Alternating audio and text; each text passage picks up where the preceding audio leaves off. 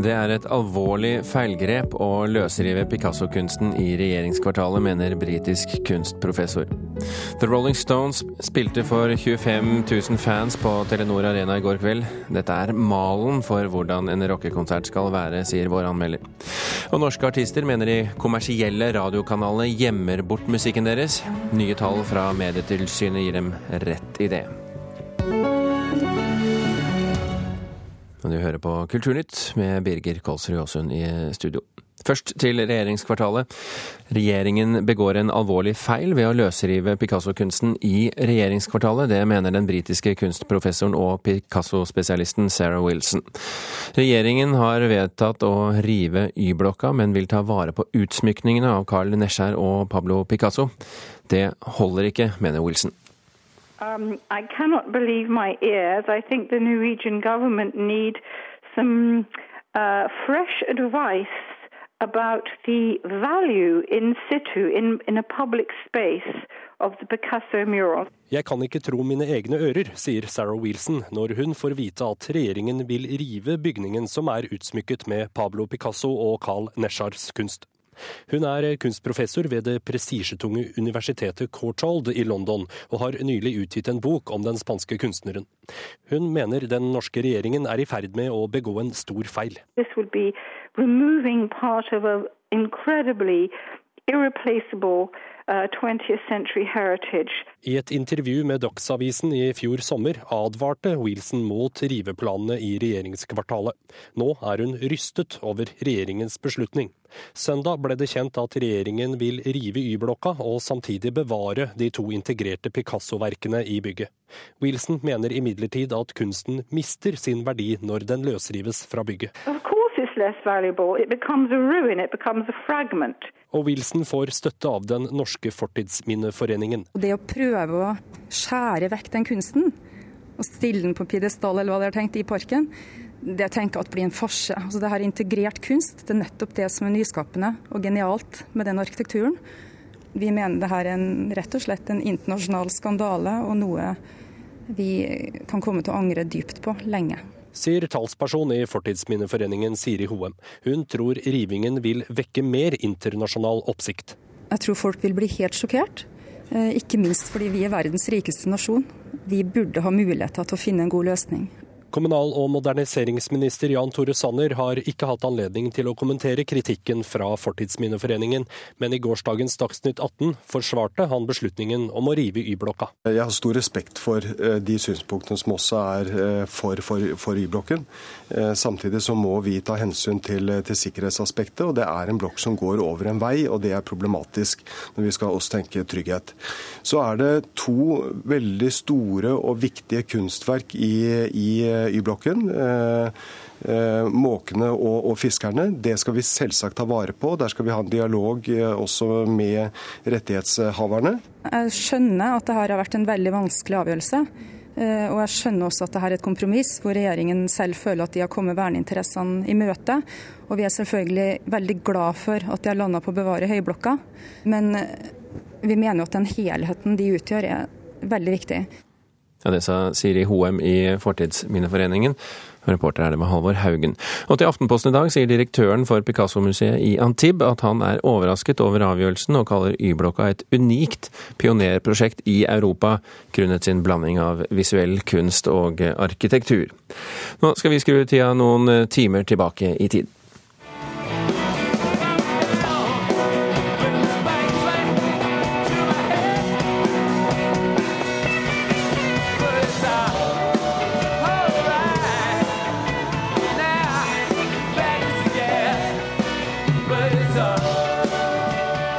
Sånn hørtes det ut da The Rolling Stones spilte sin første konsert i Norge på sju år i går kveld, her med åpningslåten 'Jumping Jack Flash'.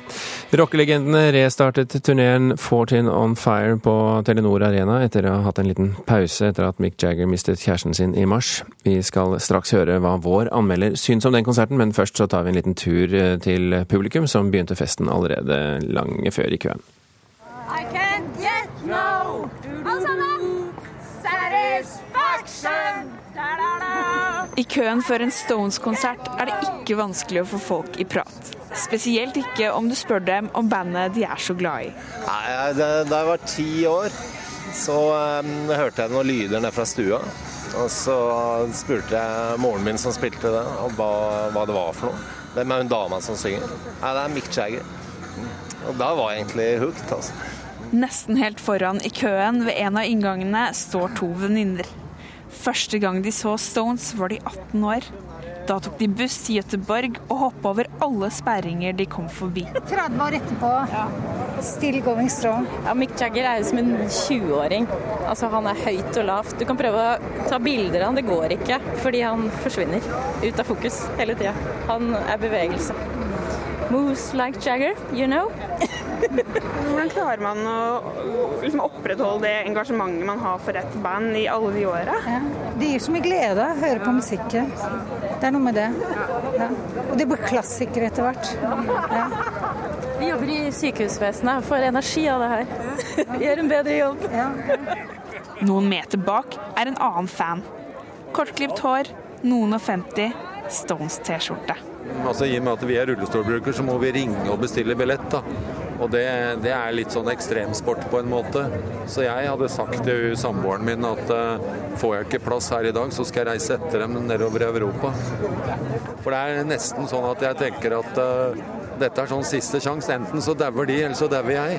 Og snakker man med en masse fans utenfor Telenor Arena, ja, da møter man kanskje også det som kan defineres som en blodfan.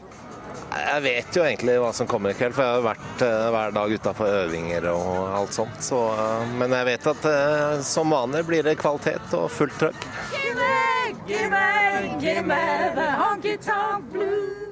Ja, reporter her, det var Siran Salp Ylderim.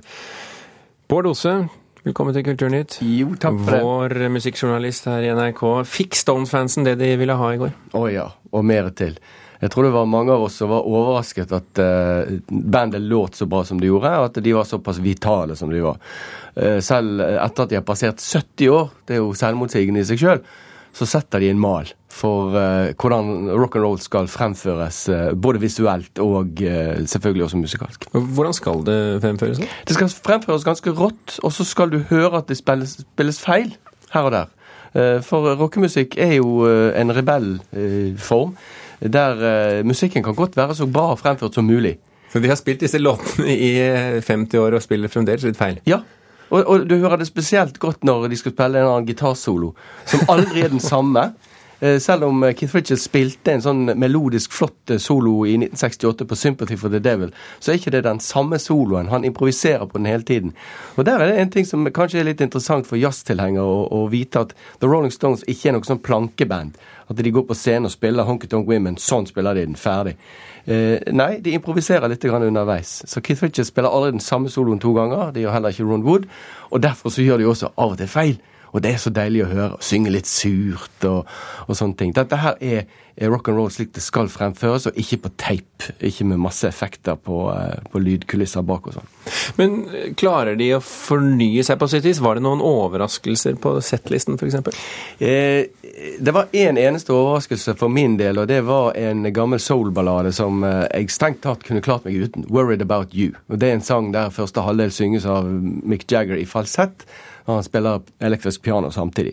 Så det var en liten overraskelse at de, de gjorde en sånn ting. Eh, bortsett fra det så syns jeg vel egentlig at det var et repertoar på det jevne. Eh, ikke så veldig spennende, men jeg fikk de eh, favorittsangene jeg ville ha, unntatt Keith Richards. Og han sang eh, eh, 'Can't Be Seen', som er en buljonglåt, som vi kaller det. Da går man ut og kjøper seg en øl. Okay. Egentlig. Uh, han ville, jeg hadde hoppet i taket av glede hvis han hadde tatt 'Happy', som er hans signatursang. Så enkelte um, justeringer på settlisten. Men jeg skal ikke sitte her og si at de tok feil når de spilte 'Emotional Rescue', selv om jeg hater den sangen. For publikum likte det. Ja. Og de jublet, og det var noe som de aldri har, har spilt før live. så... Men du var innom på det, disse er jo da i hvert fall tre av medlemmene er over 70 år gamle. Mm, på hvilken måte merker man alderen? Merker det først og fremst i uh, måten Keith Richards beveger seg på.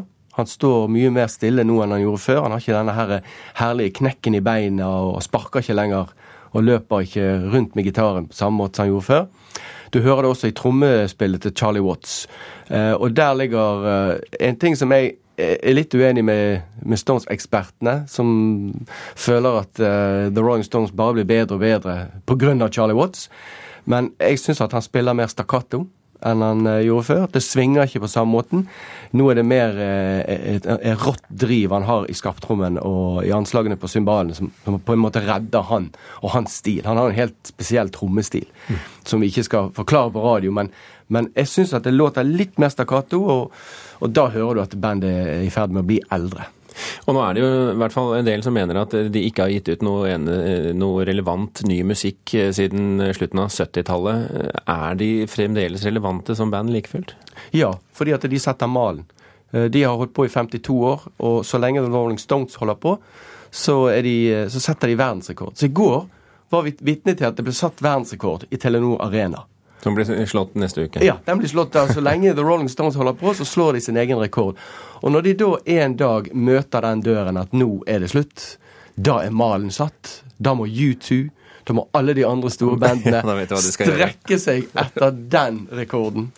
Eh, da blir det å hoppe etter Wirkola og gå i par etter Sten Stensen. Ja. I det hele tatt. Det blir ikke lett. Lykke til, sier jeg. ja, Bård Aase, tusen hjertelig takk for at du kom til Kulturnytt. Vi kan jo ta med også da at det er ternekast fem over hele linja i avisene i dag, og vi må se, rekker vi litt mer musikk? Vi rekker litt. Grann.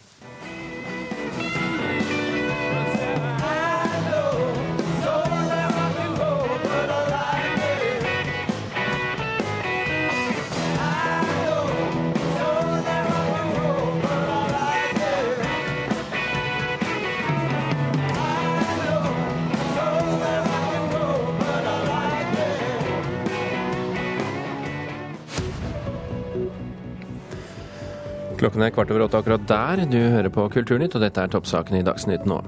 Ordførere i flomutsatte områder er lei av å vente i årevis på flomsikring. Over 50 byer og tettsteder i Norge venter på flomsikringstiltak. Miljøorganisasjonen Greenpeace har boret en av oljeriggene til Statoil. Det er en rigg som er på vei til Bjørnøya for å starte boring etter olje. Og nigerianske myndigheter vet hvor de bortførte skolejentene befinner seg, men vil ikke befri dem med makt. Og kulturlivet må lære seg å tjene penger, de er for godt vant til støtteordninger, mener professor ved BI. Du skal få høre mer om det om litt. Vi skal først eh, bevege oss litt videre i musikklivet. Denne gang til norske artister som mener de kommersielle radiokanalene gjemmer bort musikken deres. Ferske tall fra Medietilsynet viser at radiokanalene spiller mer norsk musikk enn før, men størstedelen av den spilles på natta. Men først så skal vi ha litt sommermusikk her på P4, og den er det Post Girobygg som står for.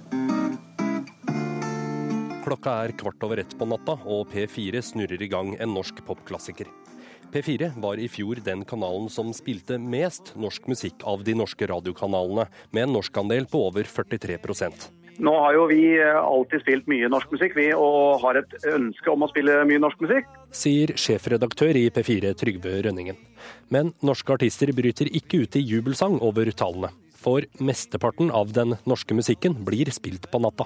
Nye tall fra Medietilsynet for 2013 viser at tre av fire norske låter på Radio Norge ble spilt mellom midnatt og klokka seks om morgenen, mens P4 spilte 63% av den norske musikken på natta. Det er alltid mer rart hvordan det kan gå til. Det er Hellbillies trommeslager Bjørn Gunnar Sando skuffet over. De har jo på en måte bevist at de er veldig glad i å spille amerikansk og hitbasert uh, amerikansk musikk i primetime og gjemme den norske musikken litt sånn vekk til å spille på natta. Sando er også avtroppende styreleder i organisasjonen Grammart, som representerer 4000 musikkartister i Norge.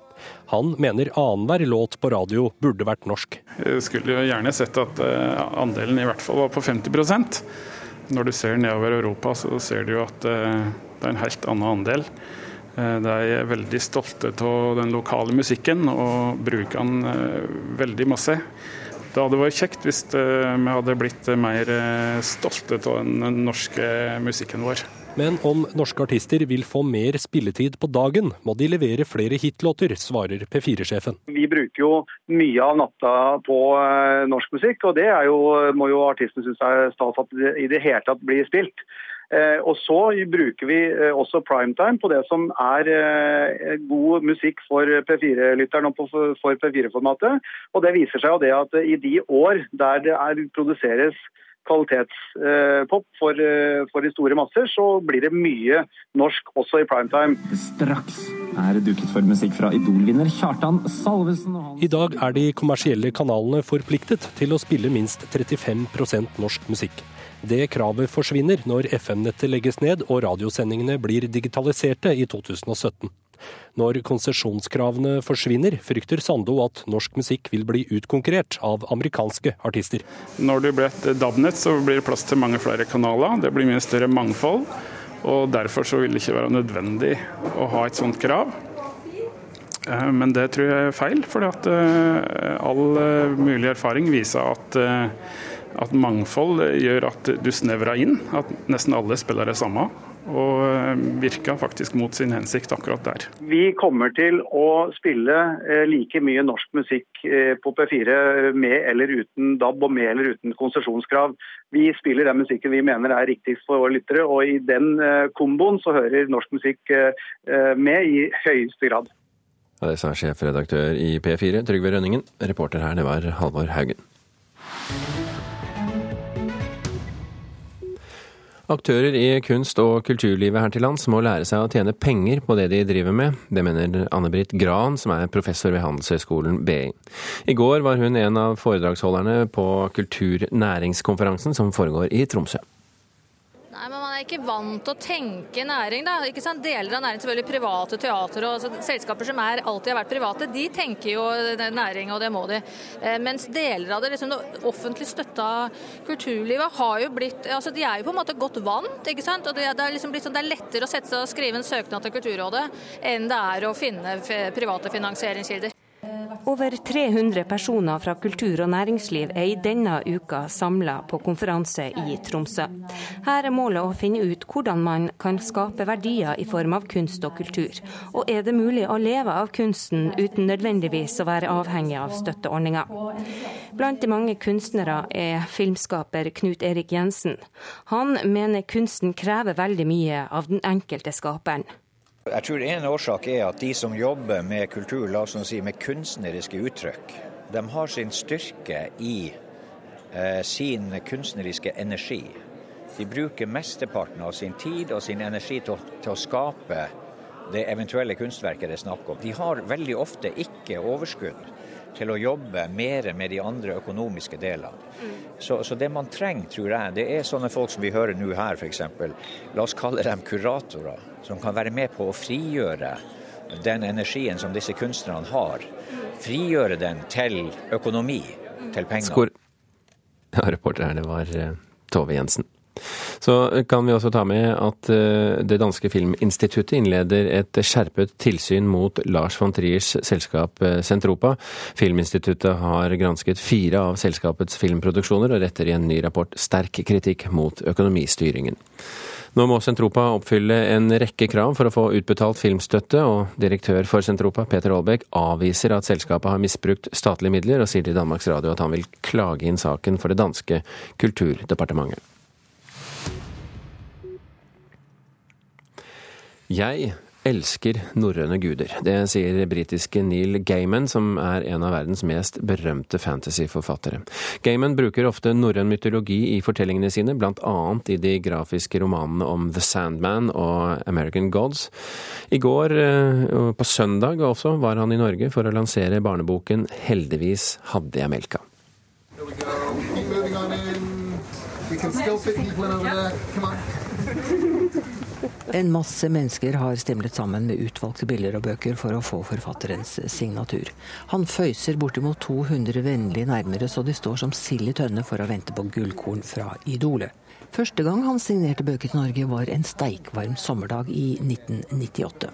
Jeg tror han satt i jeg husker ikke, fem-seks timer og signerte. Han er jo det nærmeste du kommer en rockstjerne i eh, si, moderne superhelt-tegneserierelatert sammenheng, da.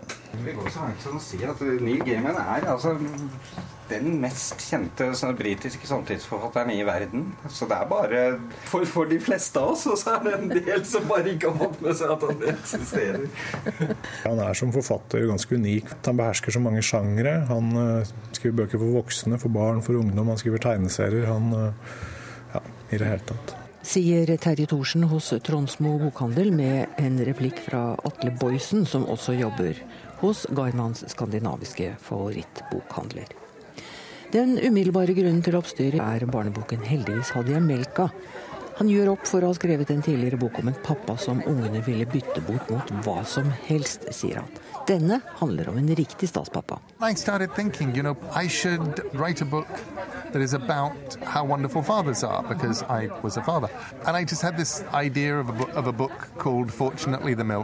thought I can send a dad on the most amazing adventures as long as his kids are listening to him in the same way that I would listen to my father telling stories of what he'd done, or my kids would listen to stories. Jeg skal ikke lese mye om Neil Gaiman før det blir klart at norrøn mytologi har spilt og spiller en stor rolle i forfatterskapet. Absolutely. I, I, did American Gods, I put them in Sandman, and I put them in a children's book called Odd and the Frost Giants. Hva er det som fascinerer så sterkt ved de norrøne gudene? Their humanity.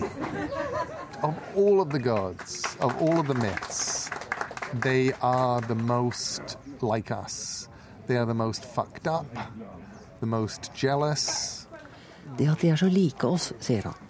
På gudenes parnass er det dem som er den aller mest forvirra, selvmotsigende, sjalu, giftige, skrudde i hodet, mens de andre stort sett har orden på seg selv. The Norse, it's it's so dark, and we know how it's all going to end. Ragnarok. Everybody is going to die horribly, and then it'll start again. But I actually feel with the with the, with the Norse gods that it's the best thing about the Norse gods is they are no better than us. They are they are us, and we understand them. Det sa forfatteren Neil Gaiman til reporter Sølvi Fosseide.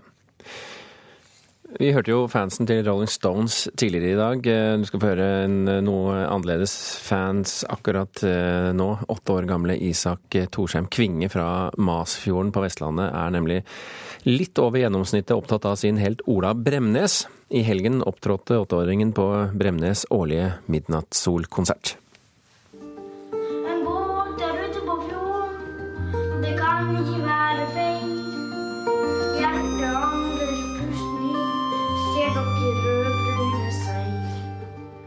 Det var få tørre øyne i det lille konsertlokalet til Grendelaget på Bremnesfredag rundt midnatt, da åtte år gamle Isak Torsheim Kvinge tok publikum med storm og sjarm. Ja, selv ikke Ola Bremnes sjøl var uberørt. Ja, det er helt utrolig. Helt fantastisk. Jeg må ha lommetørkle. Ja, det er Uff. Hvor mange av Ola sine sanger kan du? Nei, jeg tror kanskje sånn rundt 27. Hvordan har du lært deg disse? Nei, jeg har hørt på CD-er. Jeg har to CD-er. Hvilke sang liker du best? Hmm. La meg tenke litt. En dag skal døra åpne seg. Hva er det med den sangen? Bra tempo. Så gjør han liksom Han viser noe viktig òg. Ting kan gå bra, og det kan gå dårlig.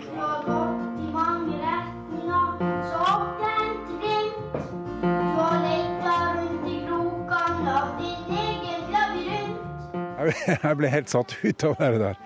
Han, eh, det er fantastisk. Eh, Jeg opplevde jo han Isak for eh, to år siden. Da var han fem år. Og jeg kom til Masfjord litt nord for Bergen. Skulle ha en konsert med han Terje Nord-Olsen.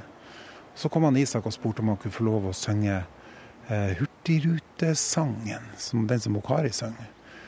Og den gjorde altså så inntrykk. Jeg synes det var helt fantastisk. Vi holdt jo på å knekke helt i hopp. Og så sendte han meg en liten CD til jul. For jeg, jeg ga han jo den plata mi som heter 'Hav av tid', og der er 'Rødbrune seil'. Og den hadde han sunget inn med et uh, orkester. Uh, og gjorde så fint at jeg tenkte at det her må flere enn meg få oppleve.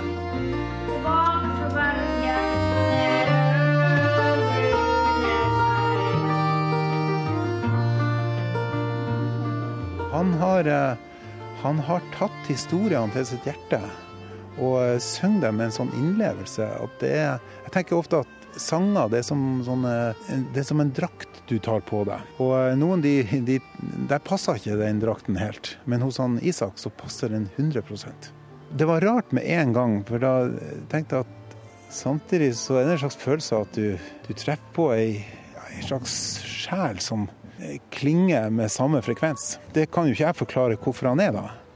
Men eh, det er et eller annet som treffer han veldig med de sangene. Og, og det, det, blir man jo både rørt og eh, veldig stolt av. Men her skal Isak forklare selv hva det er som gjør at han liker dette.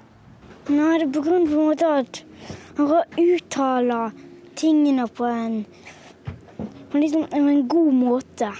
Liksom at det blir på en måte litt spennende og samtidig som jeg hører det. Det blir ikke bare vanlig musikk, det blir mer enn musikk. Det blir et eventyr samtidig som musikk.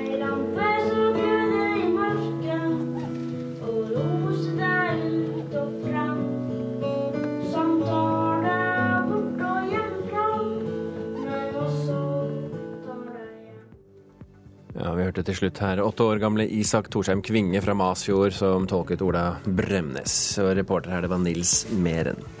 Kulturnytt er slutt. I dag har vi fortalt at den britiske kunstprofessoren Sarah Wilson mener det er et alvorlig feilgrep å løsrive Picasso-kunsten i regjeringskvartalet.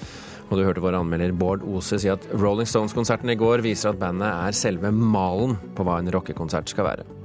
Per Ivar Nordahl, Vidar Sem og Birger Kolsrud Aasund tar med seg nyhetskulturnytt og forlater studio.